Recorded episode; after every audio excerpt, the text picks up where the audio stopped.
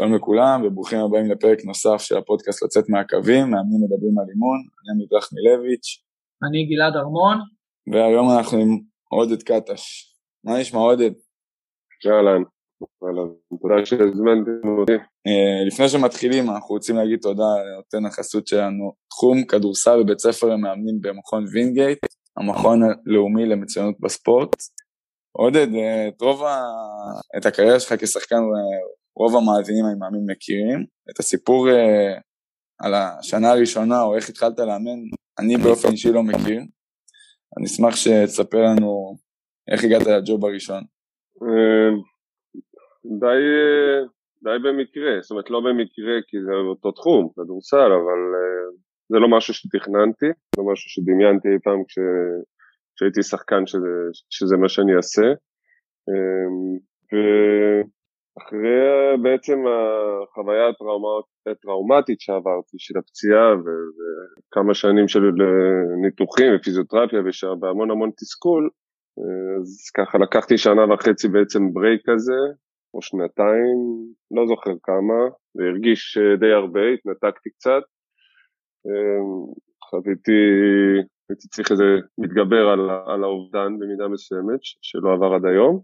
אבל אני חייב לתת את הקרדיט לעמית גל שהמשיך שם ונדנד ונדנד, זה מה שהוא עושה בדרך כלל, ואני חושב שהוא אמר את זה איזה שלוש ארבע פעמים, חזר אחרי כל, בעצם כל שלושה ארבעה חודשים חזר עם זה, חזר עם זה, אז כמובן בהתחלה פסלתי, אבל כנראה שהפעם הרביעית שהוא, שהוא נדנד, אז זה נגע, ב, זה נגע באיזה עצב מסוים, שבעצם זה הייתה, ממש יכולתי להרגיש את זה, שזה צומת כזו שאני צריך להחליט אם אני חוזר הכי קרוב שיש או בורח מזה ומתרחק. אה, לא, קרדיט לעמית אני חושב. אה, אז גם, אז גם זה ממש אה, באמת בזכות עמית גל והתמזל מזלי ובעצם השנה הראשונה שלי בתור מאמן היה אצל חיים אוחיון, ובאמת התמזל מזלי. כי אני מניח שאם זה היה בעלים אחר, יכול להיות שהייתי גם עוזב את זה אה, באותה מהירות ש... שככה החלטתי. באמת, חיים, חיים אוחיון צריך להגיד זיכרונו לברכה, יצא לי בעצם ביליתי את השש שנים הראשונות איתו, וזו הייתה זכות גדולה להכיר אותו, ובאמת מזל גדול לעבוד איתו. אה, אתה זוכר את האימון הראשון? בתור מאמן? אה, לא, לא, אמ, אבל יצא לי לשמוע בכמה פודקאסטים אחרים, גם בכמה, גם שרס דיבר על זה לאחרונה, ש, שכשהוא התחיל לאמן היו שחקנים ש, אה, ש, שהוא הכיר והוא אימן חברים, חברים שלו בג'לגריס בעצם, שהוא היה איתם ובנבחרות וחברים טובים, אה, וגם לי בשנים הראשונות אה, זה קרה.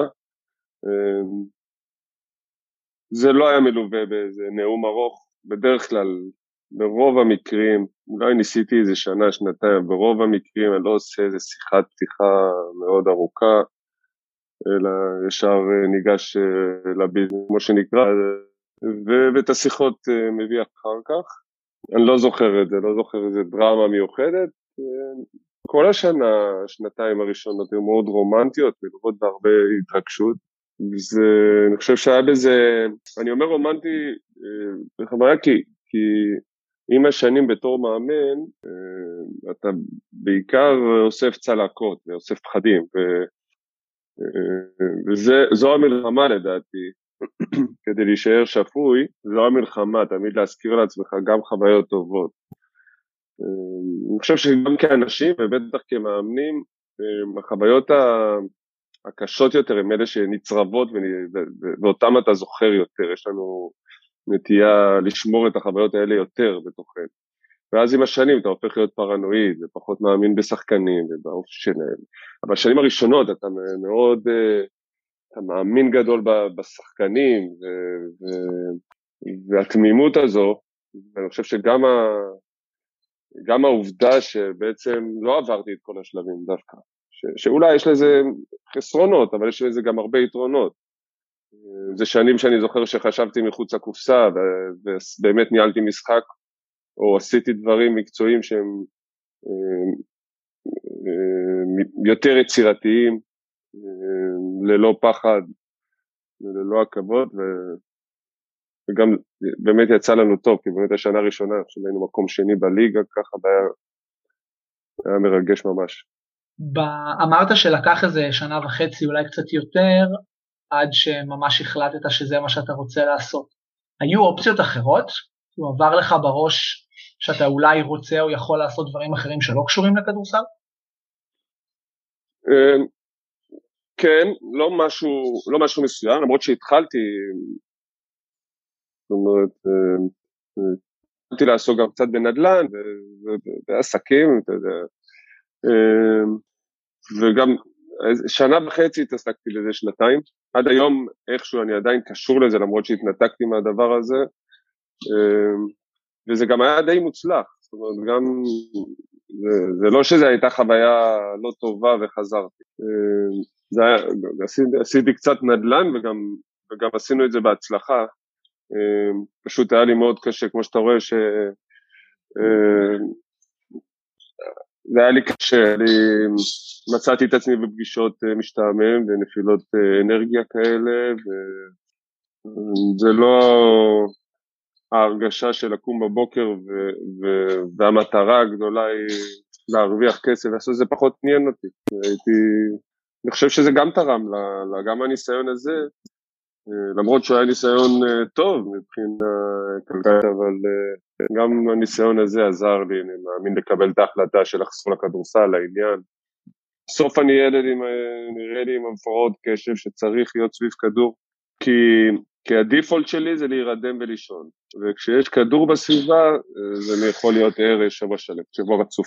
אה, היה לך שיחה לפני כמה שנים עם האוזמן בערוץ הספורט, ואחד הדברים שאני זוכר שאמרת שם, שהשתנה משהו שבאיזשהו שלב הבנת שאם אתה מגיע ראשון לאימון זה יכול לתת עוד נקודה במשחק.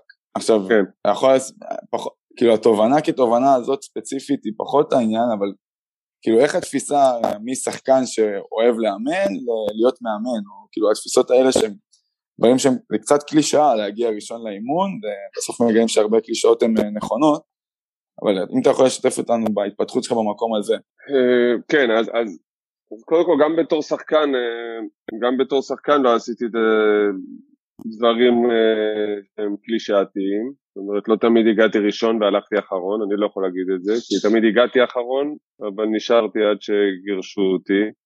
אה, מאותה סיבה, כמו תמיד, אני פשוט אוהב לישון. אה, כמו שאמרנו, גרתי בקיבוץ אמיר שם, ופיני היה תמיד אה, מתעצבן שאני מגיע אחרון, אבל, אהבתי לישון צהריים כל יום, ואהבתי לישון בבוקר, אבל תמיד הלכתי אחרון. אבל יכולתי ליהנות מהפריבילגיה שבתור שחקן אתה יכול לעשות קצת דברים אחרת. אבל זה נכון, כי בתור מאמן בשנים הראשונות הסתכלתי על הדברים רק מנקודת הכדורסל עצמו, רק מהצד המקצועי. ששם גם, לשם תמיד הלכתי, זה, זה הדבר שהכי מעניין אותי. פחות הבנתי והאמנתי בדברים אחרים ולכן לא עשיתי אותם, כי אני לא אוהב לעשות דברים רק כי צריך, ואני גם לא אוהב לעשות דברים רק בשביל הנראות. ו... ורק אחרי כמה שנים וכמה חוויות אה, הבנתי שבנראות הזו אה, יש משהו, יש משהו חשוב, זאת אומרת כדי לנהל מערכת הבנתי מה זה להיות מאמן אה, בעוד הרבה מובנים אחרים ולא רק דרך המגרש או, ולא רק שרטוטים ותרגילים ו- ולכן אני חושב שעם הזמן התפתחתי והיום אני רואה את העבודה הזו ש... בעוד כמה מעגלים אה, שלא ידעתי קודם ולכן אה, לא הבנתי את החשיבות שלהם ולכן לא עשיתי אותם כי, כי אני באמת בן אדם שלא אוהב לעשות דברים רק כי, רק כי זה נראה. אה, ברגע שאני מבין את המשמעות ואת החשיבות אני שם. אתה יכול לתת דוגמה לחוויה כזאת? ששינתה את התפיסה שלך לגבי האימון? היו כמה, אני חושב ש... אני לא יודע לשים את האצבע ממש במדויק, אבל אה, אם זה, אה, אתה יודע, בהתחלה הייתי מאמן, סתם, האבולוציה כזו שלי בתור מאמן, אה, לא אהבתי לאמן עם השרוקית למשל, ואז פתאום היה איזה, מתישהו, או שאיבדתי את הכל, שפשוט היה, מאוד כעסתי על השחקנים איפשהו בשנה, איפשהו באילת, והחלטתי שאני עושה להם, שאני בכלל הולך להיות מאוס, ואז החלטתי להשתמש עם השרוקית, הבנתי ש... שזה הרבה יותר קל, זה התחיל משם, ואז, אה, אמ, ואז אה, תמיד הכל היה בראש בהתחלה שלי, ואז התחלתי לרשום את האימון, וגם בזה יש חלק, גם בזה יש נראות אפילו שחשובה. אחרי זה שנים ש... שאני חושב ששמעתי, קיבלתי, אני חושב שאיכשהו בשיחה עם די בלאט, או ששמעתי אותו פעם,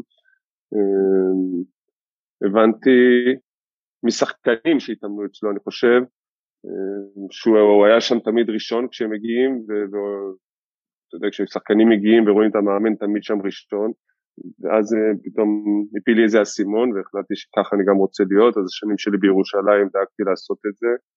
אה, תראה, בתור מאמן בליגה הישראלית לפחות, בקבוצות שהן אה, כל קבוצות הבטן, אם זה גלבוע, גליל, אילת, אתה יודע, כל ה... פרט לירושלים או מכבי, אני חושב, אתה, היום זה קצת אחרת, היום אנחנו רואים מנהלים מקצועיים, אבל לרוב אתה מאוד ריכוזי, אתה בעצם עושה הכל. אין אה, מנהל מקצועי, אתה גם המאמן, אתה גם אה, הסקאוט, אתה גם ה-GM של עצמך. אה, ברוב הקבוצות בדרך כלל העוזרי מאמנים הם מאמנים צעירים, שלא מרוויחים הרבה שכר, זאת אומרת, אם זה קבוצות רזות בתקציב, אז אתה צריך להיות מאוד ריכוזי, והתרגלתי להיות כזה.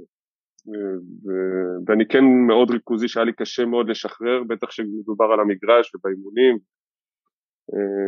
אבל עם הזמן, עם הזמן הבנתי את החשיבות של מה זה צוות ואיך לנהל אותו ואיך להשתמש בו, כי עד אז, למשל בשנה הראשונה שלי בירושלים, היה לי צוות מדהים ויוצא מן הכלל, רק לא ידעתי באמת להשתמש בו. זאת אומרת, זה כמו לקבל מכונית חדשה, ככה אני אוהב את ארז, זה כמו לקבל מכונית חדשה עם כפתורים שאתה לא יודע, אתה עדיין לא יודע להשתמש בכל הכפתורים, ולאט לאט אתה ככה מגלה. היום אני חושב ש...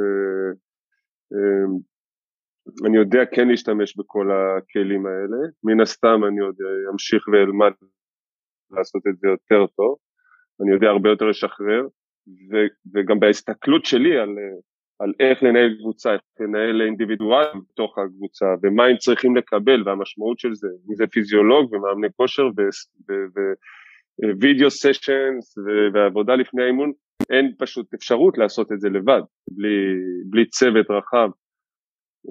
אז זו, זו האבולוציה, ולאט לאט פתאום עוד הבנה כזו, כל הבנה כזו ש, של זה מה שחשוב, אז, אז אני שם, אבל באמת חשוב, הייתי גם, גם בבית ספר, הייתי קצת יכול לעצבן קצת מורים וזה, כי אני אה, רוצה להבין למה, למה זה חשוב לפני שאני עושה את זה. אם תוכל אז עוד אולי להרחיב עוד קצת, איך אתה עכשיו, כשאתה עמוק כבר בתוך המקצוע הזה של, של אימון, איך אתה לומד, איך אתה מתמקצע, עם מי אתה מתייעץ, ממי אתה לוקח השראה, אם יש לך מנטור? מנטור? לא, לא חושב, לא, לא יודע, מה תגדיר מנטור, מנטור זה... מישהו שכבר היה שם, שאתה יודע שהוא חווה חוויות שאתה אולי היית רוצה להגיע אליהם, או חווה אותן עכשיו, מישהו שאתה יודע ש, שהוא רוצה בטובתך, ואתה לא צריך לשלם לו כסף בשביל זה או משהו, מישהו שהוא הוא שם בשבילך. אני חייב להגיד שהשיח, אה, השיח המרכזי שלי סביב כדורסל הוא בעיקר האמת עם עוזרי מאמנים שהיו לי והפכנו להיות חברים טובים ויש הערכה מאוד מאוד גדולה. אה, אם זה ליאור לובין ויונצ'וק ודרור כהן ועוד ועוד. אה, אני כבר כמה שנים סביב אה, איכשהו קשור בבסיס לפרויקט של אה, שחקן אמיתי, שזה עם עידן אבשלום, לא יודע אם אתם אה, מעורבים. אבל השראה אני לוקח מהרבה מאוד מאמנים בלי שהם יודעים. זאת אומרת, אני שומע, אה, אם זה פודקאסטים, או, או זכיתי לראות אימונים שלהם, אה, או לראות אימונים מצולמים, ובעיקר לראות הרבה כדורסל שלהם. זאת אומרת, אני כמובן גם שוב, אני פספסתי כמה עוזרי מאמנים שעבדו איתי, כן, אני לא רוצה שאף אחד אבל אם זה רעיון וליאם שככה, הם, אה, הם היו עוזרים שלי בירושלים, אחד אמריקאי, אחד אוסטרלי, היה לנו אחד אה, ועוד אחד קרואטי, ככה פתחו לי אה, עוד כמה עולמות כאלה, ודברים שלא חשבתי שאני אחשף להם, לא חשבתי שהם חשובים למשל יותר מדי, אה, כמו שפה, להשתמש במושג הנכון, אה, והרבה דברים ש, שככה עזרו לי ולמדתי, אני חושב שהם המנטורים שלי בסופו של דבר, הם האנשים שאני מתייעץ איתם. מדהים. אה, בפרק 10, איפשהו עמוק בסגר הראשון של הקורונה, אז התארח אצלנו דן שמיר, והוא דיבר בצורה ממש גלויה, זה היה ממש מעניין לשמוע זה שהוא לא היה שחקן מקצועני. זה משהו שמאוד מאפיין אותו לטובה וגם לרעה בתור מאמן, וגם משפיע על הדרך שהוא מסתכל על המשחק. ואתה לעומת זאת היית שחקן ברמות הכי גבוהות. כמה זה מאפיין את מי שאתה בתור מאמן, כמה זה משפיע על התפיסה שלך? קודם כל שמעתי את הפודקאסט הזה, מצוין, אה, באמת מעניין. אה, וכן, אני יכול, אני יכול להבין אה, אה, למה הוא אומר, גם אפשר, מהמעט שיצא לי ככה לראות את דן על הקווים וקצת באימונים וגם בשיחות, גם יצא לנו לעבוד ביחד בנבחרת, אני בהחלט מבין למה הוא מתכוון. אני חייב להגיד שאני לא עד הסוף הצליח להתחבר לא, לא לדברים שהוא אמר כמובן, למשפט הזה ש, שהיית שחקן פעם, ויש את המשפט הזה שאם היית שחקן אז אתה יכול להבין יותר אה, נפש של שחקן או לספור חב"ד. אמ, אני לא חושב שזה קשור בלאו דווקא, אני לא חושב שזה קשור לזה שהייתי שחקן, אני יכול להבין מה עובר, זה פשוט, אה, אמ, זה פשוט איזושהי דרך וגישה, יש, אה, יש מאמנים שמחליטים להיות מאוד אמ, להתעסק בביזנס, מה שצריך לעשות, מה שצריך להעביר, ויש כאלה שמתעסקים יותר ברגשות, אני חושב שזה, כאנשים אנחנו שונים אחד מהשני, וכך גם מאמנים, ואין דרך אחת להצליח, אתה יודע, שמעתי את רנקיירי אומר שבכלל אה, אתה צריך להבין בתרבות, ויותר חשוב לו אה, העבר של השחקן וההיסטוריה שלו, ואיך הוא יכול להגיע אליו, הוא אומר שזה מה שמנצח משחקים בסוף יותר מ... אה, יותר מאיזה טקטיקה או דברים כאלה. אז זה בהחלט מעניין, אני חושב שלכל אחד יש את הדרך שלו להניע אנשים, את הדרך שלו להעביר את המסרים, את הדרך שלו להסתכל על, ה, על, ה, העבודה הזו. אמ, עם השנים, אני, אמ, עם השנים אני מוצא את העבודה של מאמן הרבה יותר מעניינת, אמ, המון זוויות להסתכל על זה, כי אתה צריך להיות הרבה מאוד דברים, ו, ואני בטוח ש... שכל מאמן טוב בדברים מסוימים יותר מאשר אה, בדברים אחרים, זה מה שהופך את זה אה, בקסום, שאין דרך אחת לנצח. אה, יצא לי לראות בקיץ וגם קצת לפני הקיץ, כמה פעמים יצא לי לראות את ההרצאה של ריין, אחד העוזרים שלך האמריקאי, על, ה... על השיטה שצחקתם בהפועל ירושלים. אתה יודע איך הוא כן. קורא להרצאה? אתה מודע? לא. קורא לזה דרך חיים של עודד קטש. כן. אה, גם יצא לנו לדבר על זה עם יונצ'וק בפרק שהוא התארח אצלנו. עכשיו, בגדול הפודקאסט שלנו לא על אימון כדורסל, אבל אנחנו כרגע מאמני כדורסל שמדברים. תוכל להסביר מהצד שלך על, ה, על השיטה, בעצם מהי השיטה מבחינתך, בלי להיכנס עכשיו לדקויות הכדורסל, אבל כאילו, מהי מבחינתך השיטה, ואני מחבר את זה לשאלה של גלעד, אם לא היית שחקן, אתה חושב שכאילו השיטה הזאת הייתה נראית אותו דבר? יכול להיות שכן. שוב, אה, זה, אתה יודע, לדבר על השיטה, כן, כמו שריין מציג את זה, זה קצת כמו לדבר על עצמך ואני פחות אוהב לעשות את זה. אה, אני חושב שהוא, זה גם ההומור שלו, וזה הסיבה שאני ממש אוהב אותו. הוא אומר שיטה כי אני, תראה בעיניי זה מאוד מאוד פשוט. תראה, אני אגיד את זה, אתה לא תגיד את זה, זה, אבל הוא אומר שם שאתה צייר עם מכחול, ככה הוא קורא לך בהרצאה, גם אם זה קצת מביך אותך, ככה הוא אומר את זה. אוקיי, יכול להיות שזה גם ההומור כן. שלו, אבל ככה הוא מצליח. זה לא הומור, תראה, הוא, ריין, לא, ריין זה אהבה גדולה, אתה יודע, הוא איש מדהים. והוא יודע לפרגן גם, הוא יודע לפרגן, יש לו לב רחב והוא יודע לפרגן, אז, אז לי הוא מצא את המונחים האלה והוא גם ידבר על מאמנים אחרים בצורה יפה, אני חושב שהוא מכבד, אה, באמת חוויה מדהימה אה, להכיר אותו, אז אני מקבל את ה... אה, זו הדרך שלו להגיד את הדברים ואני מאוד שמח שהצלחתי, בהתחלה זה, זה לא כזה פשוט, כי, כי בטח באמריקה וכולם רגילים לשחק עם סטרץ' פור וגם כשבנינו את הקבוצה הוא וכולם בדרך כלל מושכים לשם. אמ, השיטה שכולם מדברים זה רק פשוט לשחק עם, כביכול הבסיס שלה זה לשחק עם שני גבוהים שהם לא קולים מבחוץ, זאת אומרת, אה, אה, ואיך אתה מצליח, אה, ואיך אתה מצליח למצוא את ה spacing הנכון ושתהיה המשכיות נכונה. זה, זה, זה נבע מתוך אילוץ בהתחלה, כל הדבר הזה התחיל מתוך אילוץ, שבגלבוע גליל בשנה ש... ב-2010 שלקחנו אליפות, אה, זה התחיל ב-2009, אה, שיחקנו גם עם בריין רנדל וגם עם אלישי קדיר, שניהם שחקנים מצוינים, כל אחד בעצמו, אבל רציתי שיהיו שניהם על המגרש, ושניהם העדפתי שפחות יזרקו מבחוץ ויעשו דברים אחרים, ואז זה הלך והתפתח משם. ו- וזה לא קורה ביום אחד, זה לא איזה משהו ש...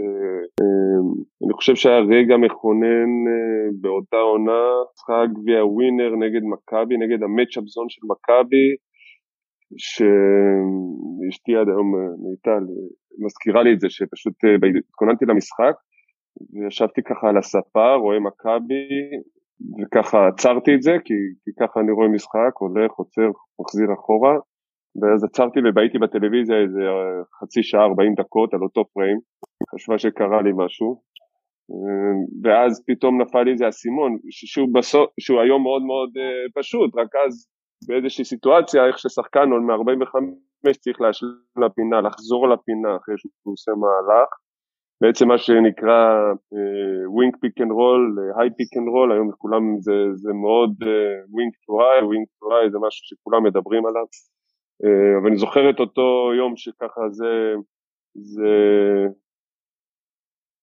שהבאתי את, את, את, את התנועה הזו, נפל לי האסימון, אה, הדבר הזה, ואז באנו לשחק נגד מכבי, וזה עבד אחד לאחד, זאת אומרת, הם עברו ל match-up zone, ושיחקנו את זה, ופתאום זה כיף כאילו להכין משהו, וזה אה, דגן יבזורי, אני לא אשכח, דגן יבזורי שיחק את ה wing pick and roll, מסר היה זה עבד כמו שצריך, הוא הגיע לזריקה לבד, רק הוא עשה 0 מ-4 באותו יום, הפסדנו 20, כמו שאומרים, הניתוח הצליח, החולה מת, אבל אני זוכר את הרגע הזה. אבל שוב, זה התחיל מאילוצים, ואז עוד כל מיני חידודים קטנים, ואני חייב להגיד שבסוף זה, בטח היום אני מבין ש, שזה פחות מה אתה משחק, אלא יותר האיך אתה עושה את הדברים.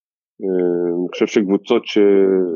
או מאמנים שבאים לשחק אה, אה, מולי למשל, אני חושב שהם די יודעים מול מה הם הולכים לשחק. אני גם לא ממש מסתיר את זה, תמיד אני צוחק ואני אומר שהם יכולים, אני מוכן שמאמנים יבואו אפילו לאימון שלפני משחק, תמיד אני מגזים ואומר, אבל אני באמת מאמין בזה, במסר של זה. זאת אומרת שאני רוצה להגיע למצב ש... גם כשחקן וגם כמאמן, אני רוצה להגיע למצב שהקבוצה מולי או השחקן מולי יודע מה אני הולך לעשות ועדיין לא יכול לעצור את זה, ואני חושב שזו הרמה, אה, ואתם מאמני כדורסל ואתם אנשי כדורסל ואתם, אני חושב שאתם יודעים את זה, זאת אומרת, אה, אה, גם כשמשחקים מול שחקנים גדולים, אתה יודע מה, אתה יודע איזה הטעיה הולך לעשות לך, אבל הוא עושה את זה בצורה כזו ש, שאי אפשר לעצור. אני חושב שלשם אני רוצה להגיע, וזה בעיקר לאמן עקרונות, עקרונות משחק, איך משחקים את הדבר הזה, למצוא את, ה, את התגובה ואת הדרך שהקבוצה שלך מגיבה לכל סוג של הגנה למשל. אני חושב ששם נמצא הקסם. תוכל להרחיב קצת על הנושא הזה של אימון לפי עקרונות? אה, וגם אם תוכל ממש, או, או, ב, או להגיד לנו גם מה היה לפני שהתחלת להאמין לפי עקרונות. אני חושב שהשינוי הגדול זה שאני יודע להגיד היום שאני מתרכז בעקרונות, פעם לא ידעתי לשים את זה במילים כאלה, פשוט אימנתי וירדתי, תמיד ירדתי לפרטים, תמיד, אה, אה, תמיד העדפתי להתחיל עם אה, פחות תנועות, פחות תרגילים, אני, היום אני פשוט, היום אני הרבה יותר מגובש, זה הרבה יותר מגובש אצלי בראש, פעם זה היה יותר אינטואיטיבי אולי זה היה, השחקן שבי היה יותר, פשוט יותר בזיכרון, אז אה, ניסיתי ללמד אה, כל מיני סודות או דברים שהיו לי גם בתור שחקן, לא, דווקא שלי, אלא דברים שלמדתי. אה, היום זה הרבה יותר מובנה אצלי בראש, אני יודע לשים את זה, אני יודע לכתוב את הדברים האלה, אני יודע לשים את הדגשים במקום הנכון. החוויה בנבחרת נתנה לי איזה בוסט עצום ב, ביכולת להעביר המון מידע בזמן מאוד מאוד קצר, זאת אומרת בעיקר זה להבדיל בין עיקר לטפל, זאת אומרת כל הזמן בתור מאמן, זה אחת התכונות הכי חשובות בעיניי. בטח בעונה אינטנסיבית, אם זה החצי שנה אפילו שהייתה לנו ביורוליג, שכל יומיים משחק, כל הזמן אתה צריך לבחור את ה... ליאור לובין קורא לזה את הביסים הגדולים, איפה הביס, כל הזמן מחפש את הביס הגדול. לי, לא, עם השנים אני משתפר בעניין הזה, כמו שאמרתי בעזרת העוזרים שלי, אני משתפר בעניין הזה. פעם הייתי קשה היה לי לסיים אימון ולא לרדת, אה, גם מה ש... הביסים הקטנים הייתי, הייתי מאוד מתעכב על זה. היום אני הרבה יותר אה, אה, יודע להבדיל בין עיקר לטפל, וזה הרבה יותר מגובש אצלי. זאת אומרת, אני, אני גם יודע להעביר את, ה, את המידע או את הדברים שאני רוצה בזמן מאוד מאוד קצר, כי, כי שוב, אני שם את זה במילים הנכונות, ואני, ובתרגילי אימון הנכונים, ועושה את הפירוקים הנכונים לפני אימון, כשאתה מגובש יותר, הרבה יותר קל לך להעביר את הדבר הזה. אה, לגבי עקרונות, אה, אני, אני, אני בכלל חושב, אה, אני יוצא לי לאמן הרבה שחקנים צעירים ואני הולך לכל המקומות שמזמינים אותי וראיתי הרבה אימוני ילדים ונוער ואני חווה הרבה ילדים. כל קיץ אני עובד עם ילדים, אני אוהב את זה. אבל אני עדיין חושב ששם נמצא, יש קפיצה שהכדורסל שלנו יכול לעשות ברמה של איך אנחנו מגדלים שחקנים צעירים זה שם, זה ללמד עקרונות משחק ולא איך ולמה עושים דברים. אני חושב שאנחנו מאוד מתרכזים ב, בלנצח, חושב שאנחנו מאוד מתרכזים בללמד איך לנצח אה, ובטקטיקה וזה נותן לנו יתרון, אפשר לראות את זה גם בנבחרות הצעירות אה, כשאנחנו מתמודדים לאורך השנים, גם עוד מאז שהייתי שחקן והרבה לפני, היו לנו הצלחות תמיד יותר גדולות בגילאים הצעירים, כי אנחנו הולכים לשם, מלמדים לשם, מאמנים מתקדמים דרך ניצחונות, אה, ומנהלי מחלקות מכוונים לשם גם, לא באשמתם, אבל אני חושב שאנחנו יותר מלמדים את הילד מה לעשות, ורוצים שוב, חשוב להזכיר שאין דרך אחת, סתם דוגמה, הכי, הכי, אני אתן דוגמה קטנה, אם אני צריך ללמד קרוס אובר או בין הרגליים, בטוח שכל מאמן יש לו את הפילוסופיה שלו באיך צריך לכדרר את הכדור, שזה ללמד איך. ואני אומר עקרונות משחק זה למשל לדאוג ש...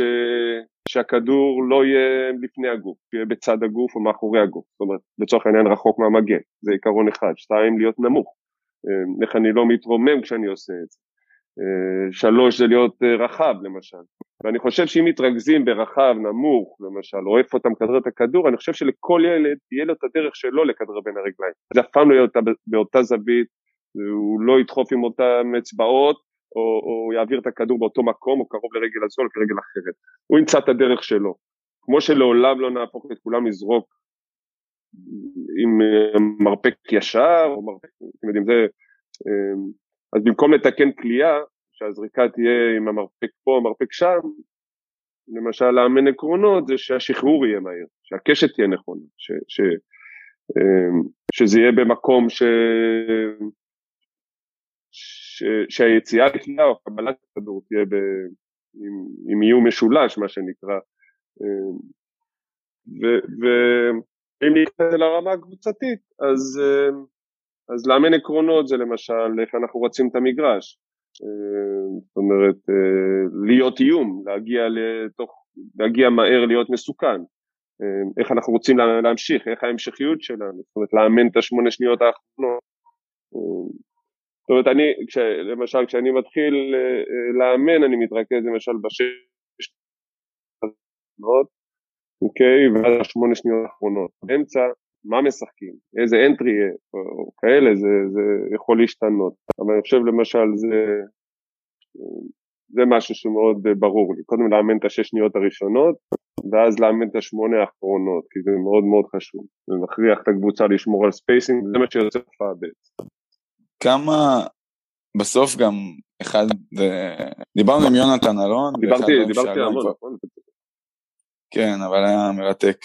אה, דיברנו עם יונתן אלון על השיטה, אני כבר לא זוכר אם זה היה בהקלטה או אחרי ההקלטה, ואחד הדברים שהוא אמר זה שבעונה, בעונת שיא, בעונת קורונה בעצם שנעצרה, אה, עם פלדין וג'ייקובן, והגעתם כבר למצב, ותמיר, הגעתם כבר למצב שהשיטה רצה. כאילו, אתה כבר, זה כבר היה יותר שלהם, והם היו, כל אחד כבר ידע איפה הוא נמצא ומה הוא עושה. לשם אתה שואף להביא את ה... זה הרמת אימון, כאילו, מבחינתך, של השיטה, לשם אתה שואף להביא את זה, שזה יהיה שלהם. תראה, אה, מה זה שיטה? זה הדרך שבה, כן, לא יודע להגדיר שיטה, אני לא אוהב, אה, לא, לא יודע להשתמש במילה הזו. עברית היא לא שפה טובה לדבר אה, ספורט, זה ידוע. נכון, אבל... נכון. האמת שנכון, אם מתרגמים את זה יותר קל, אבל תראה, היה, יש את השלב הזה שאתה באמת uh, מנסה להעביר את העקרונות שלך ו, ו... כמערכת כמובן, כצוות, רוצה להעביר את, את העקרונות משחק. בטח ברמה ההתקפית אני חושב שהיה מאוד ברור איך אנחנו רוצים לשחק ואני חושב שיש את השלב הזה שאתה גורם גם לשחקנים להאמין בזה ולאהוב את זה. זאת אומרת עם הזמן שחקן כמו ג'יימס אה, שהיה רגיל אה, לקבל את הזריקות שלו, לקבל את הכדורים שלו בצורה מסוימת או לקבל את הזריקות שלו בצורה מסוימת, פתאום הוא בא למשהו אחר לגמרי. אה, ויש את הרגע הזה שהוא פתאום מבין אוקיי, אני אוהב את זה, ולאט לאט אתה רואה ששחקנים מתחילים להתאהב, אם זה לצרף שחקן כמו בריימו, שבהתחלה קצת קשה, או, או לא יודע לאן לזוז, או יש לו יותר מדי חופש אז יש שחקנים שצריך קצת להגביל אותם, יש שחקנים שצריך לתת להם יותר חופש, יש שחקנים ש...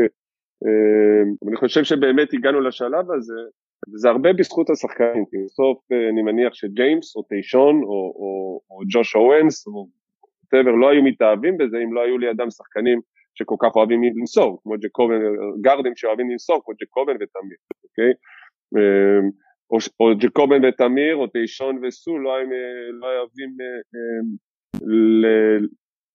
לא היו מאמינים בזה ועושים את הדברים בצורה כזו, אם הסקורר שלידם לא היה אחד אה, כמו ג'יימס פלדן ש, שהוא חבר טוב ואישיות מקסימה, ש, שזה מאוד מאוד מיוחד, לראות גם סקורר, באמת אחד הסקוררים הטובים, אבל גם ששחקנים שכל הקבוצה אוהבת אותו, בדרך כלל זה שחקן שפחות uh, מתחברים אליו. Uh, אז היה קסם כזה שקרה גם בחדר הלבשה, ש, שהביא את כולם, והחיבור גם לצוות כמובן, באמת היה באמת שנים מרגשות מאוד, כי היה גם כיף, גם ניצחנו, אתה יודע, אפשר אה, להתווכח על אם עשינו יותר, חצי גמר, בסוף תמיד מסתכלים על המשחק האחרון, אבל הדרך שעשינו והיום יום והמשחקים והזיכרונות זה פשוט באמת היה קסם. אני רוצה אז להתחבר למה שאמרת עכשיו, אני רוצה להקריא לך שני ציטוטים קצרים ש, של דברים שכבר אמרת פעם, אז אני גם אשאל עליהם איזה משהו. ציטוט הראשון, אני אוהב לראות את סטף קרי, לברון לא מרגש אותי. זה קצת כמו הבדל בין מסי לרונלדו בכדורגל, כשמסי זה קרי ולברון זה רונלדו. אבל זידן ריגש אותי יותר, אני לא יכול להסביר למה. בין הישראלים אייל ברקוביץ' מאוד ריגש אותי, ובטניס רוג'ר, רוג'ר פדרר. זה ציטוט אחד, והציטוט השני, במקום אחר, בואו נתרכז בהחלטות שקשורות לילדים בני 13. בואו נבדוק מה קורה שם, מצב המתקנים, מצב האימונים, ואז כשהם יצמחו להיות יותר טובים, נגלה שפתאום ההחלטות יהיו מאוד קלות. תבין, בשבילי כדורסל זה אומנות לכל דבר. אז לעמית ולי לאורך התקופה הארוכה שאנחנו מקליטים את, הפודקאסט יצא לנו הרבה להתפלסף אה, סביב המקצוע של האימון ועמית מאוד אוהב גם לציין שהאימון זה כמו אומנות והספורט זה חוויה אסתטית. אז אה, נשמח לדעת מה המחשבות שלך בנושא הזה. אמ, טוב, נתחיל, אה, תמיד התחברתי כמובן לשחקנים שהם יותר יצירתיים ובטח כאלה שגם מצליחים ויש כאלה שהתחברתי גם בגלל אופי, אם זה הזכרת רודד פדרר או כאלה, ו, אמ, ויותר התחברתי לשחקנים ש... אני חושב שבכלל אנחנו מתחברים לשחקנים שאנחנו קצת יותר דומים להם, שחקנים שמבחינת אמ, מבחינה גופנית למשל, אם אני צריך לדמיין, אם תחזירו לי את הברכיים, אם הייתי עושה דברים, הייתי יותר עושה דברים של סטף קרי או של אה, סרפיו רודריגז מאשר של אה, לברון ג'יימס או, אה, או לצורך העניין, אני יודע, אבל אה, אז, אז זו ברמה הזו. בכלל כחובב ספורט אה, ומשחקי כדור אה, בפרט, אז אני מאוד אוהב, אני, אני במידה מסוימת שם, דווקא במשחקים שהם לא כדורסל, אני מצליח לראות את זה בעיניים של אוהד, כי כדורסל אני לא רואה בעיניים של אוהד.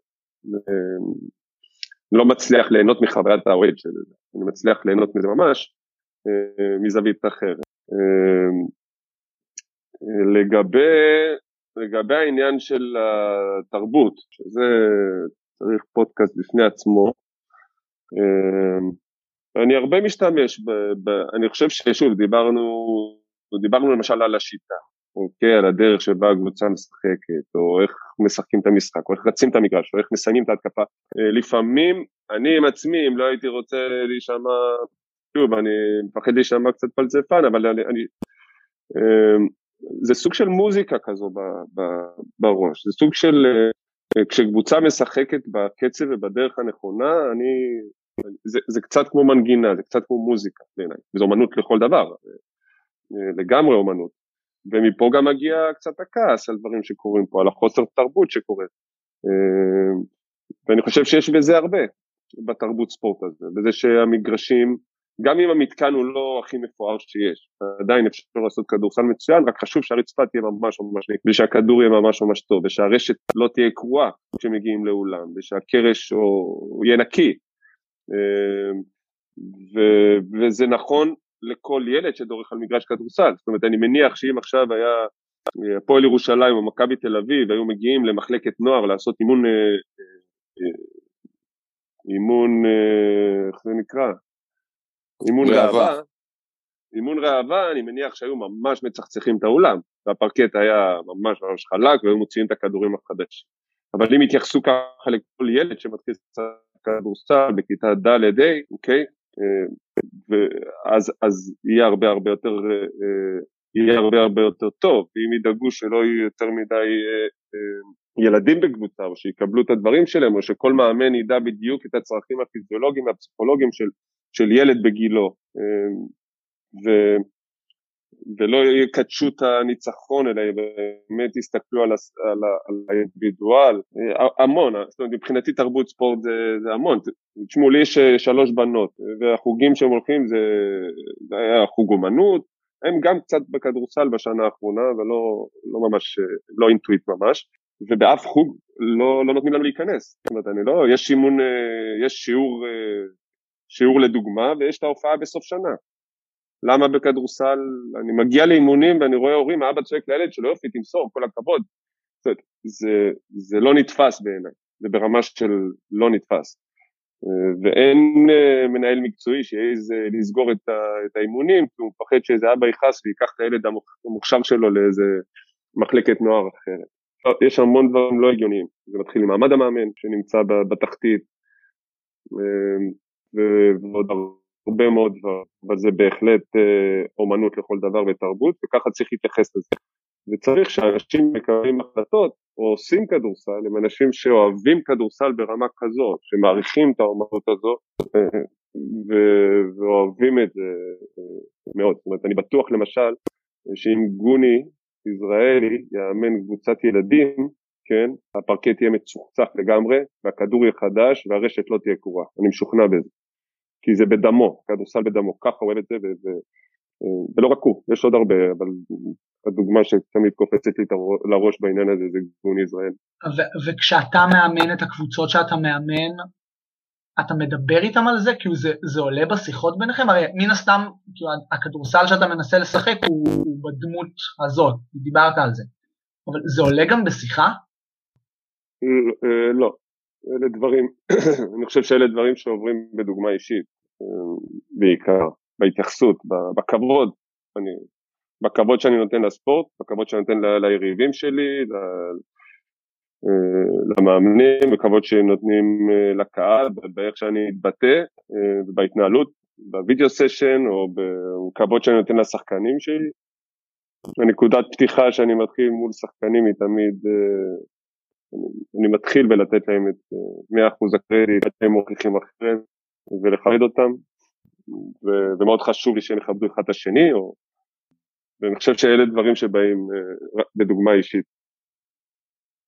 יש דברים שאתה, שאתה לוקח לתוך הכדורסל, גם אולי ברמה שאתה מאמן שחקנים באופן אישי, או גם קבוצות, יש דברים שאתה לוקח מענפי ספורט אחרים, או, מ, או מדיסציפלינות של אומנות אחרות? המון, המון המון. מצחיק שאתה אומר את זה, תמיד היה לי, היה לי איזה תמיד רעיון לעשות ככה הקבלות בין ענפי ספורט שונים, בעיקר ענפי כדור, זאת אומרת, אני אוהב לשחק סנוקר כמו שאתם יודעים, אני תמיד כשאני בארצות הברית או בכל חופשה ויש גולף אני אוהב לשחק למשל גולף ובתור ילד גם גדלתי עם כדורעף וכדוריד וכל דבר שהוא ואני אוהב, והיו תקופה של ששנה ששיחקתי באולינג בטירוף ומכל ספורט אני חושב אפשר ללמוד הרבה, אני רואה טניס. אני בכלל אה, חושב שאחד התקופות המרגשות בתור ילד, אני זוכר גדלתי בגבעתיים והיינו הולכים לכפר המכבייה וכשהייתה המכבייה הייתי ככה הולך מהבוקר, מסתובב בכפר המכבייה, רואה מכדורת, לא יודע אם יודעים מה זה כדורת, עד, עד בדמינגטון וסקווש ומעביר שעות ובאמת שוב זה חלק מהפרעות קשב כנראה אבל הייתי צריך uh, ומכל ספורט אפשר ללמוד, זאת אומרת אם זה מגולף, מגולף אפשר ללמוד לא להחטיא קצר. אמ, הזווית של, ה... של הבורות בביליארד אה, מלמדות אותך למשל להשתמש בכל הזוויות של הטבעת, לא, לאו דווקא תמיד מכוון לאמצע הטבעת, אוקיי? זה, זה גם משהו שאפשר ללמוד אה, מהביליארד. אמ, טניס למשל, ללמוד למשל כשהם מכים את הכדור, הם ממש מסתכלים קודם כל, הם לא מסתכלים על המטרה, הם מסתכלים קודם כל על המהלך, על נגיד שהם עושים בק, מסתכלים על הכדור, משלימים את המכה ואז רואים את התוצאה, זאת אומרת על איפה להסתכל, על מה, המון המון, יש לי המון הקבלות ודברים מאוד מעניינים מענפי ספורט אה, אחרים. זו הסיבה שככה, אתה יודע, אנחנו מדברים פה בבוקר אחרי סופרבול, אז אני לא באמת יכול לפספס אה, סופרבול, זה, זה חזק ממני למרות שאני יודע שצריך לקום בבוקר. טוב, אין ספק שזה היה מוצדק, גם שמעתי שהמופע של המחצית היה יוצא דופן.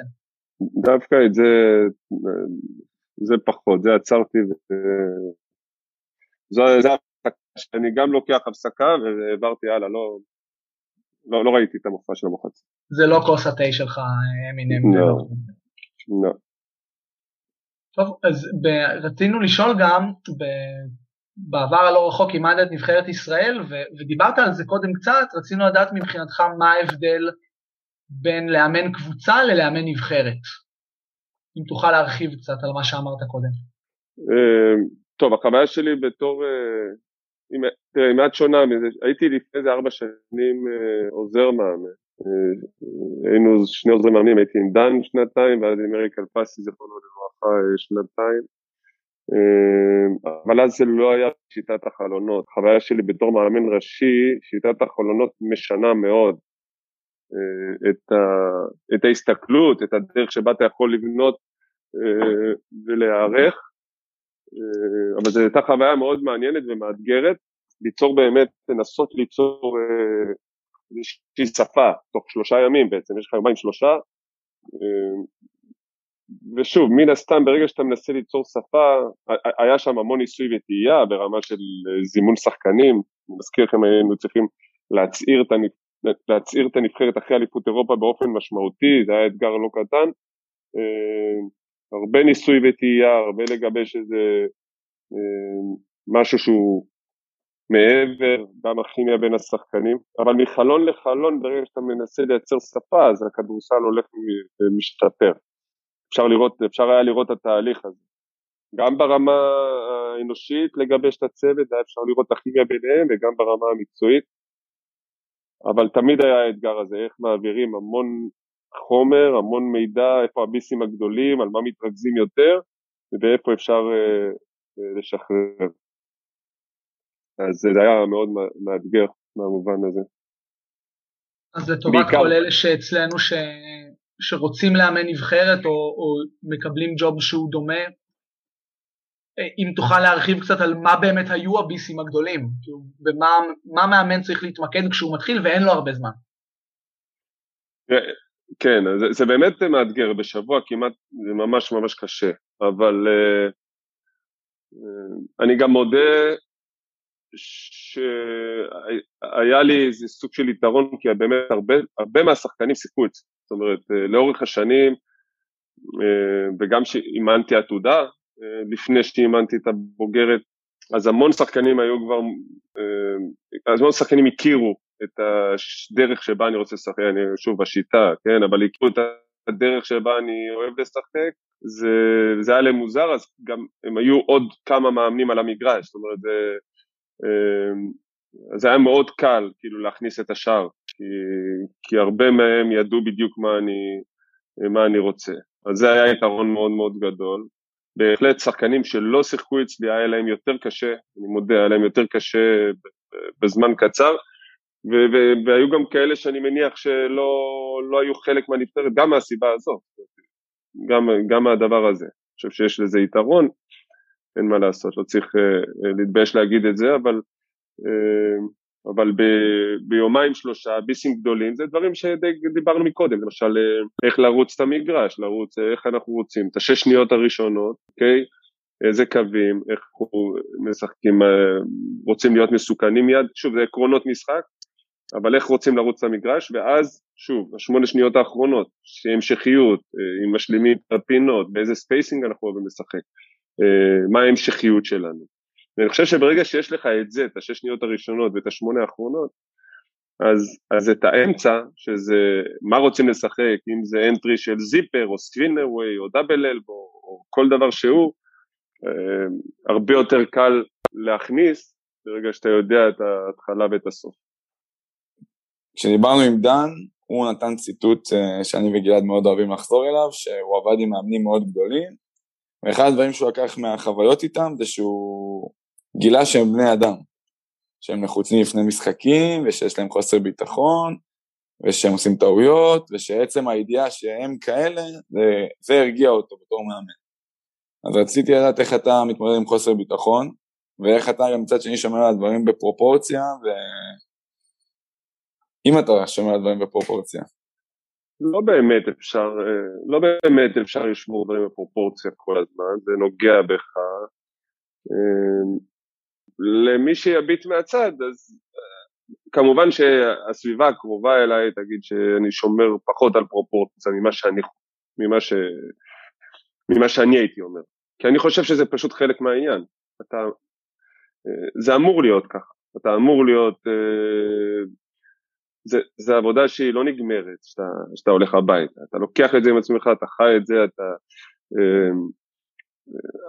החוויות הפחות טובות או ההפסדים נשארים לזמן יותר ארוך, הניצחונות והרגעי אושר הם אה, קצרים יותר, ככה זה, זה גם היופי בזה שאתה חייב לאהוב את זה, זאת אומרת אני חושב שחלק מההנאה בדבר הזה, או זה בעצם העניין עצמו, הדרייב שזה נותן לך, שם נמצאת ההנאה, ההנאה היא לא ברגע הנפת הגביע, זאת אומרת, אנחנו חיים גם בעידן של אינסטגרם ותמונות, שוב אין לי אינסטגרם, אבל אני, ממה שאני ככה רואה, מודל של העושר הוא תמיד יתבטא באיזה חיוך גדול, או עם איזה כוס משקה בחוף בתאילנד, אוקיי?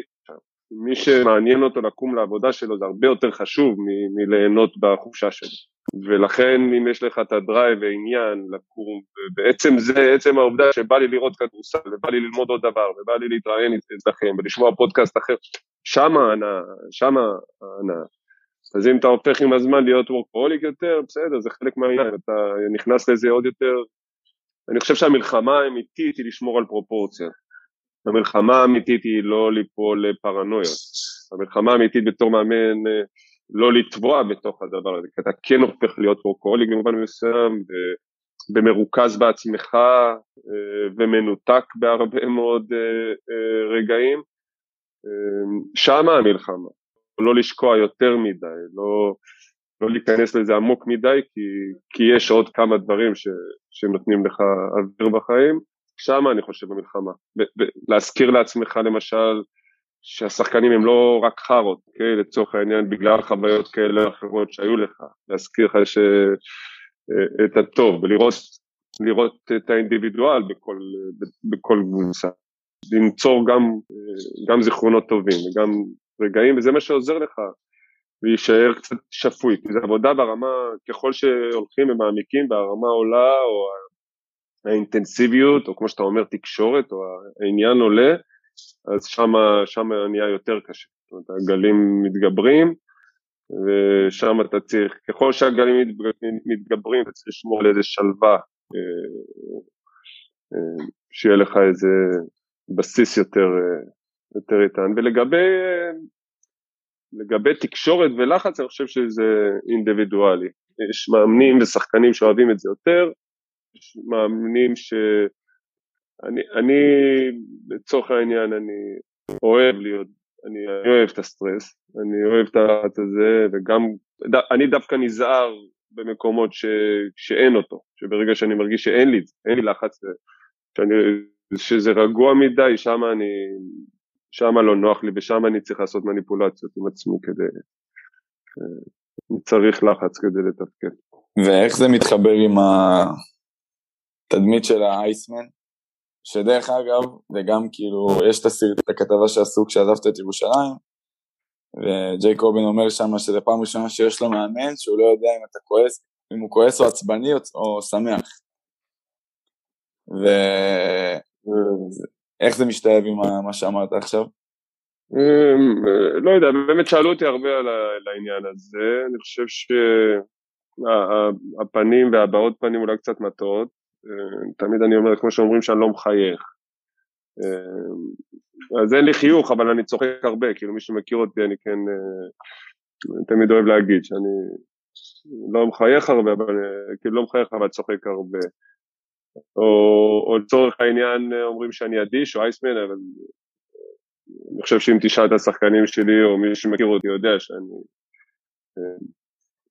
אה, אדיש אני לא, יכול להיות שאנשים מתבלבלים עם קור רוח במובן מסוים, מתבלבלים בין קור רוח לאדישות, אבל אולי, אולי אני גם אדיש, אני, אני תראה אם ג'קובן, אם ג'קובן למשל לא יודע אם אני כועס או שמח, למרות שאין לי את הבעות פנים הידועות, הרגילות, אבל אם הוא לא יודע זה, זה טעות שלי, זה fuck שלי. זאת אומרת, אני, אני רוצה להאמין ששחקנים כן יודעים אם אני...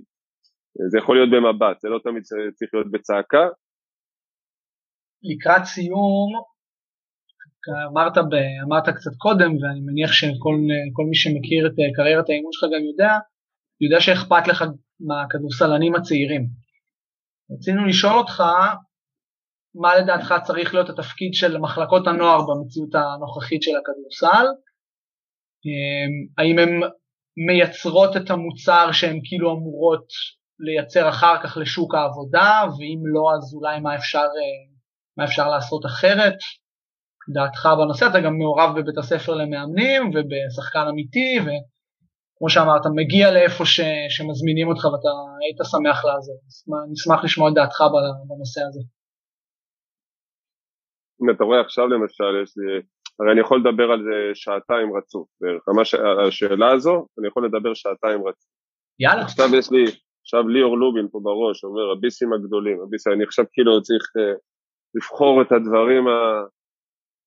במה אני, איך אני רוצה לה, להגיד את הדברים. תשמע, יש לי הרבה מה להגיד בעניין הזה.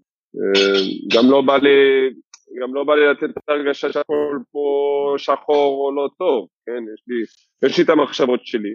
חשוב לזכור ש, שהכדורסל כל הזמן יתפתח. וגם כשאני היום בווינגייט מדבר עם מאמנים, זאת אומרת, אני, הכי חשוב זה להיות גמיש, והרצון, חשוב ללמד מאמן זה איך ללמוד למשל, איך ללמוד מהמשחק, איך, איך, איך לחקור את המשחק, כי מה שנכון להיום לא יהיה נכון עוד חמש-שש שנים, אוקיי? ולכן אני חושב שהחיבור, אני לא מאמין בהפרדה בין מחלקת נוער, ילדים לכדורסל בוגרים, אני חושב שהכל צריך להיות מחובר ביחד, אני חושב שהעקרונות משחק צריך מגיל, מהיום הראשון שמחזיקים כדור, ישר צריך ללכת לאמן אותם לשחקנים שהם רוצים להיות או חולמים להיות, אוקיי? או, ש, או שהכדורסל יהיה צריך בעתיד. ולכן פה נכנסים העקרונות. זאת אומרת, חשוב מאוד שהשחקנים האלה, מן הסתם בהתפתחות של הכדורסל, ואיך שאני רואה את זה, אולי אני טועה, אבל השחקנים לא הולכים להיות פחות אתלטים או פחות מהירים, או פחות חזקים, אוקיי?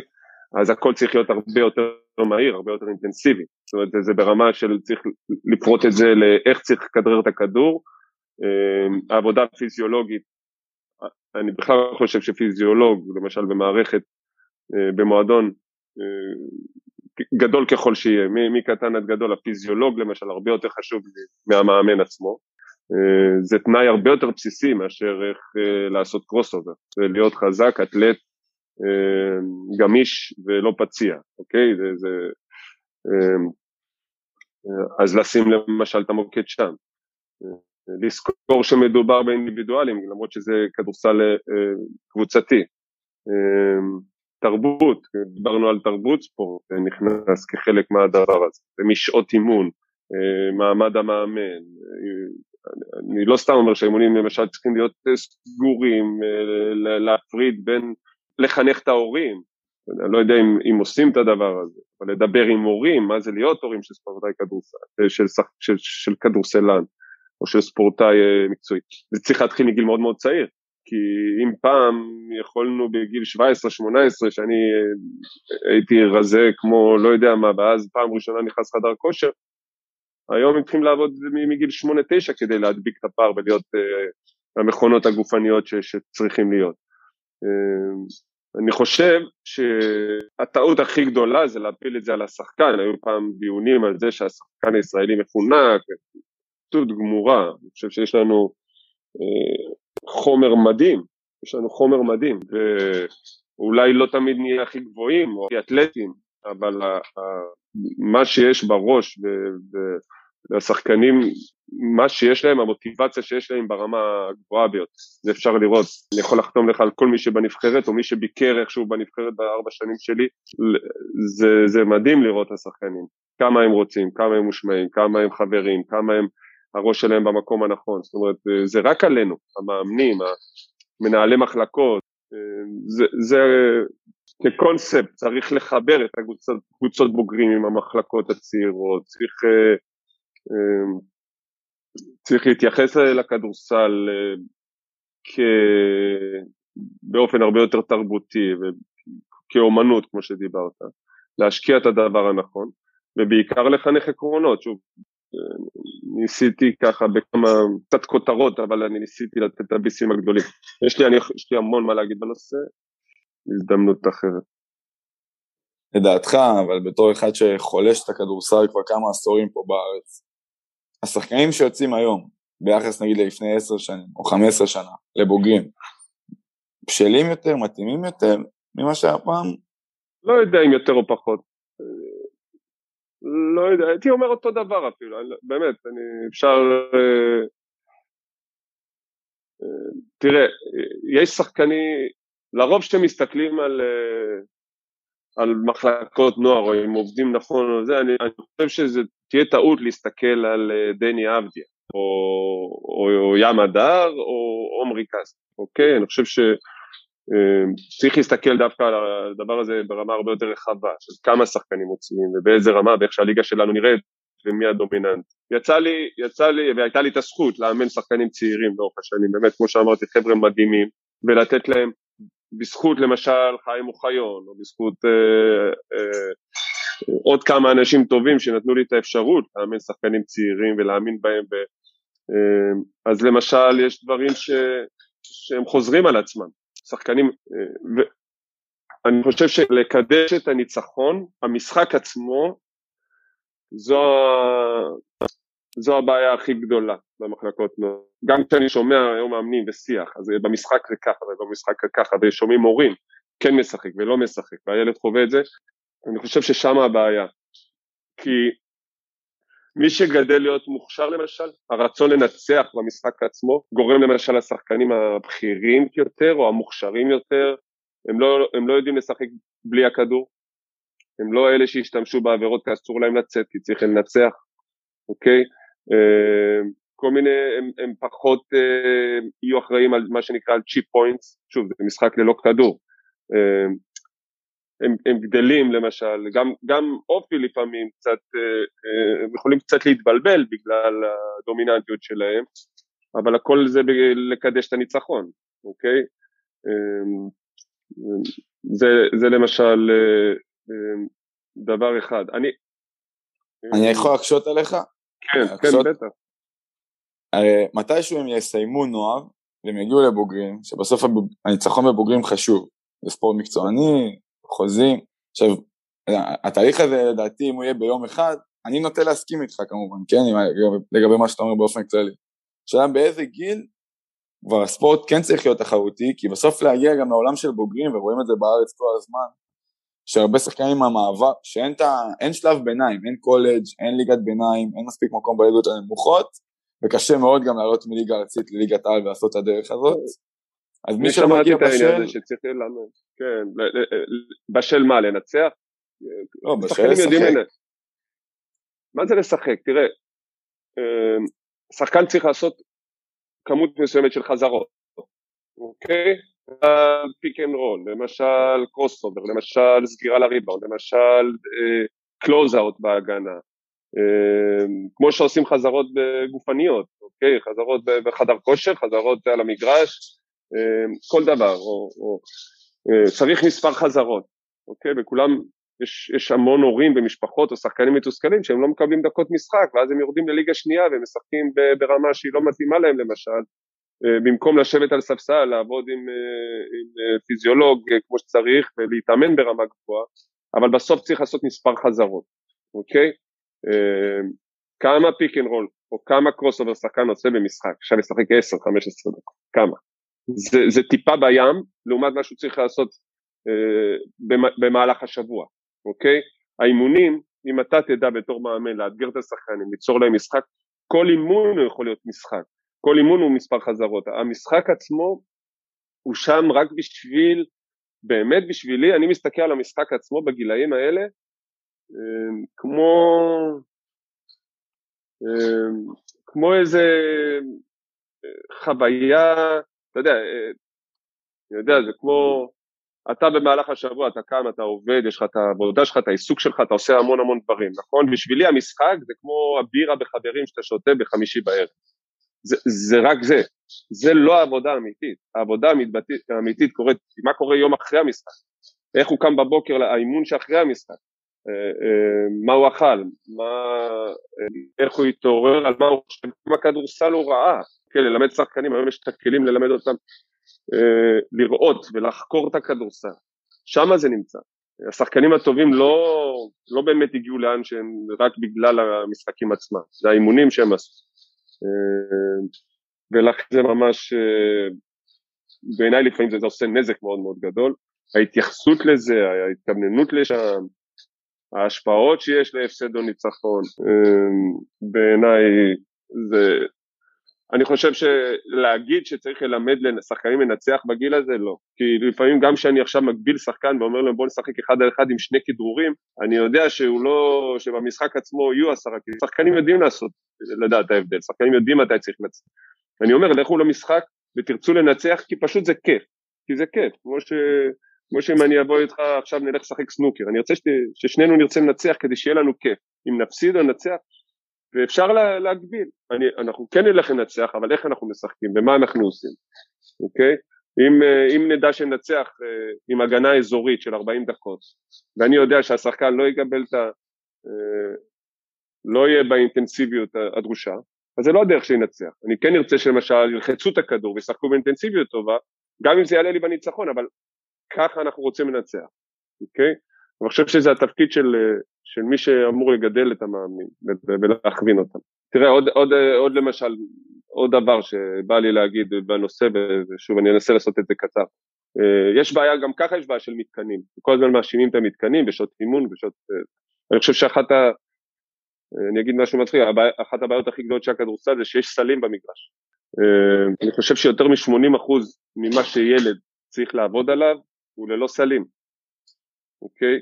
אם מכניסים גם את העבודה הפיזיולוגית ואת מה שהוא צריך לעשות בלפני ואחרי, ואחרי האימון, אם תכניס עכשיו שלושה ילדים, אתה יודע, פעם שגדלנו בגבעתיים, מי שהיה לו מפתח לאולם בבית ספר אה, נידח, זה היה כמו, כאילו היינו מבטלים אה, בילוי ביום שישי כי יש למישהו מפתח, הולכים לשחק כל הזה. אה, אבל תכניס חבורת ילדים למגרש כדורסל, ישר הם ילכו ויזרקו, אף אחד לא יתחיל לכדרר, אף אחד לא יתחיל, אוקיי?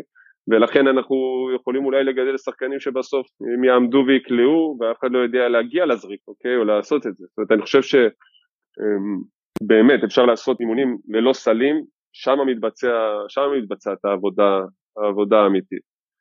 אה, זה גם נקודה למחשבה, אתה יודע, בשימוש במתקנים למשל. מה עושים אם רוצים שגם יהיה להם כיף, אבל אימון כוח זה לא כיף להם, הם לא באים בשביל האימון כוח, הם באים כי הם רוצים לזרוק לסל ולשחק. מה הגישה שלך כלפי זה? אני אותי למה שדיברנו על אה, מה זה עושר, זאת אומרת, אה, אתה פשוט צריך ללמד אותם ש, שלהיות בן אדם שמח זה לא תמיד עכשיו ה, ה, ה, ה, מה שכיף, חלק, חלק מ... אה, חלק מלהיות מאושר למשל, כאילו אושר לא תמיד מתבטא בצחוק ובכיף ובמשחק. אה, חלק להיות מאושר זה, זה להבין את המשמעות של הדברים שאתה עושה. אה, ואני חושב שיש פה הרבה, קודם כל להיות מאמן זה דוגמה אישית, אה, אני חושב שיש פה הרבה, גם בדוגמה האישית ו, ובלימוד הזה, צריך, צריך לחנך לדבר הזה. צריך, ברגע שאתה אה, מכניס את כל הדברים האלה בתוך הדרך, ואתה מתרכז בדרך, לאו דווקא, אני חושב ש... שוב, זו תוצאה של להתרכז במשחק עצמו. מי, ש, מי שעכשיו מחכה למשחק ביום ראשון, שני או חמישי, לא משנה מתי המשחק, ומשם הוא גוזר את האושר שלו. אם הוא שיחק או לא שיחק, או, או איך, איך היה, וקלטתי וניצחנו והפסדנו, הוא יהיה לו, הוא באמת לא יבין למה צריך להתאמן, או לעשות אימון כוח, או לעשות אימון, אה, הוא באמת לא יבין את זה. ואם אתה תשים את הדגש בדרך שאתה עושה, והמשחק זה סתם, אה, זה עוד איזה בונוס כזה בדרך, איזה משהו, עוד משהו כיפי שחווים, אז, אז, ו, ו, ועל לקום למחר, למחרת המשחק בבוקר ולעשות את מה שצריך, אם זה ללכת לעשות טיפול, או, או לנוח, או, או, אה, אה, או לעשות עוד אקסטרה אימון, אם אתה, אם אתה תתרכז בדרך, אז שמה הם יראו את האושר שלהם ולא במשחק עצמו, אז אני חושב שיהיה יותר קל להבין. מקווה שהסברתי את עצמי. אוקיי, אז אלא אם כן עמית רוצה לשלוף עוד איזה שאלה, אנחנו הגענו לחלק האחרון, זה נקרא שאלות שליפה.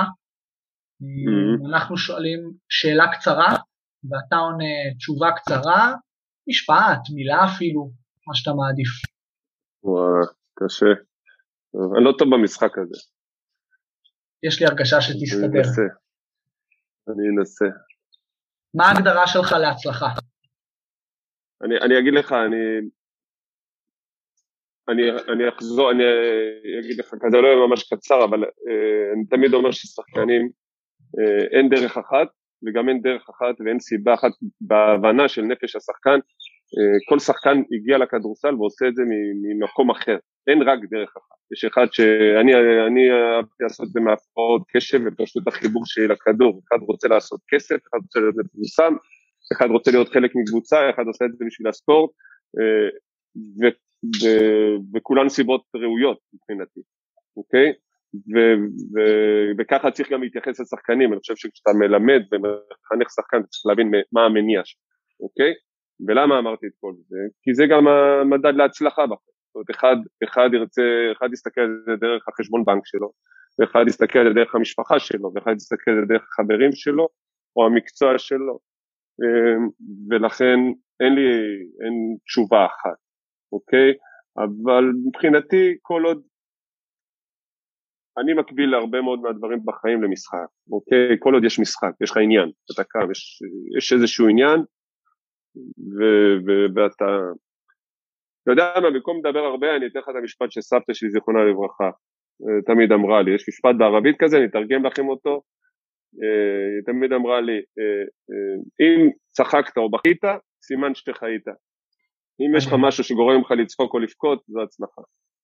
מה מאפיין מנהיג? שוב, זה דרך, אני חושב שקודם כל חשוב זה דוגמה אישית, הקרבה אה, ויכולת הכלה. אני חושב שהוא יכולת להכיל המון דברים. זה גורם לחוסר פחד ואומץ. חוויה משמעותית או רגע שיא שלך כמאמן? אה, רגע שיא שמאמן, אני, אני, אני מניח שברמת התחושות זה חייב איכשהו להיות קשור לנבחרת ישראל, ברמת ה...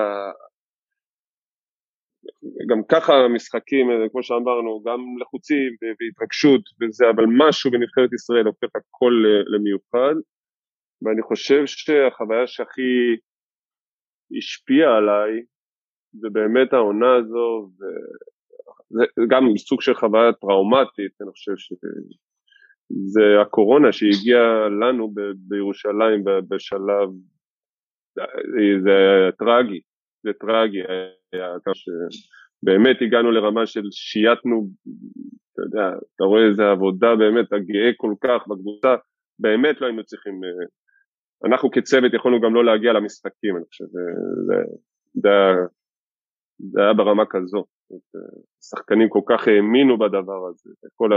זה היה מדהים, ואני חושב שזה היה טרגי כל כך וזה... אני חושב שאתה הראשון אה, שאומר דוגמה שלילית בשאלה הזאת. אנחנו שלושים ומשהו פרקים, אתה הראשון שנתן פה חוויה לא חיובית. כן, כן, תראה, אני, אני אומנם נתתי חוויה, היא כאילו שלילית, אבל היא... הרי כל, דבר, כל כאב גדול, בסדר? זה כמו שעכשיו אני מספר את סיפור הפציעה שלי, אוקיי? לצורך העניין. כל כאב גדול בא עם אהבה מאוד מאוד גדולה. זאת אומרת, זה לא יכול לכאוב כל כך אם לא היה שם משהו קסום. זאת אומרת, באותו, באותו רגע שאני מזכיר כאב גדול, אני בעצם, תראה, אם עכשיו הייתי צריך להגיד לך בסיפור שלי לכמה אנשים אמרתי שאני אוהב אותם, אוקיי? זה מחומסקי וגיא הראל, ג'יימס פלדין ויובל שניידר, בסדר? כאילו, ויש המון אהבה בסיפורים כאלה, רק משם מגיע כאב גדול. דבר אחד שלא ידעת בהתחלה ואתה יודע היום. בהתחלה, אתה מדבר באימון? כן. וואו, המון, מה זה? מה זה דבר אחד? טן ביס גדול. ביס גדול. שללמד שחקנים לכדרר מחוץ לגוף זה הדבר הכי חשוב בעולם. שיש, שיש חיים חוץ מ pick and roll למשל. זה משהו ש... סתם, אני לא באמת מאמין בזה. מה ההבדל בין מאמן טוב למאמן לא טוב? אמ, תראה, יש אה, דברים בסיסיים, יש כישרון, יש איזה ראפ מסוים, יש רמת כישרון וידע. אני חושב ש... אמ, אני חושב שקיבעון הופך בסוף למאמנים פחות טובים. מי שלא... זה הרבה קשור לאהבת המשחק, לדעת ללמוד, לחקור, להתפתח, כאילו היכולת להתפתח בתור מאמן, להיות, אה, זה בעיניי משהו מאוד מאוד חשוב. ואם ככה, אז טיפ למאמן המתחיל, או המאמנת?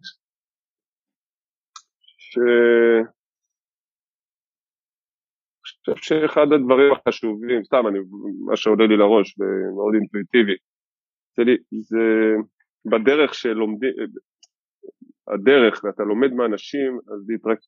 פחות לנסות להעתיק, אלא יותר לקבל השראה, אוקיי? ולעשות את הדרך שלך.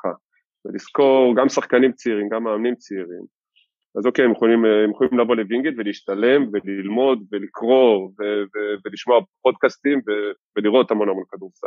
מי שבאמת אוהב את זה צריך לחקור את זה בעצמו, צריך לקבל השראה מאנשים אחרים, אבל בסוף הם אלה שיצטרכו להפוך, זאת אומרת, הם לא יכולים ללמוד ממשהו שכבר קיים, הם יצטרכו להיות אלה שמפתחים את תרגיל האימון הבא, מפתחים את הדרך לשמור pick and roll בצורה שעד היום לא נראתה, זאת אומרת, הם חייבים לשמור על, ה, על היצירתיות ולעשות את הדרך שלהם.